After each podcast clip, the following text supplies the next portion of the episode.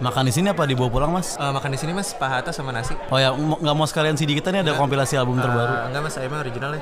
Ini CD yang Afgan lama masih ada Eh, mas? enggak mas, enggak mas, Eh, ayamnya original sama paha atas ya. Tapi ini tinggal tambah atas 5000 udah Oh, dapat enggak, CD loh enggak, mas. ya? Enggak mas, enggak mas. Udah, udah, udah. Udah ya, saya mau makan. Yakin mas ya? Iya yakin mas, yakin mas.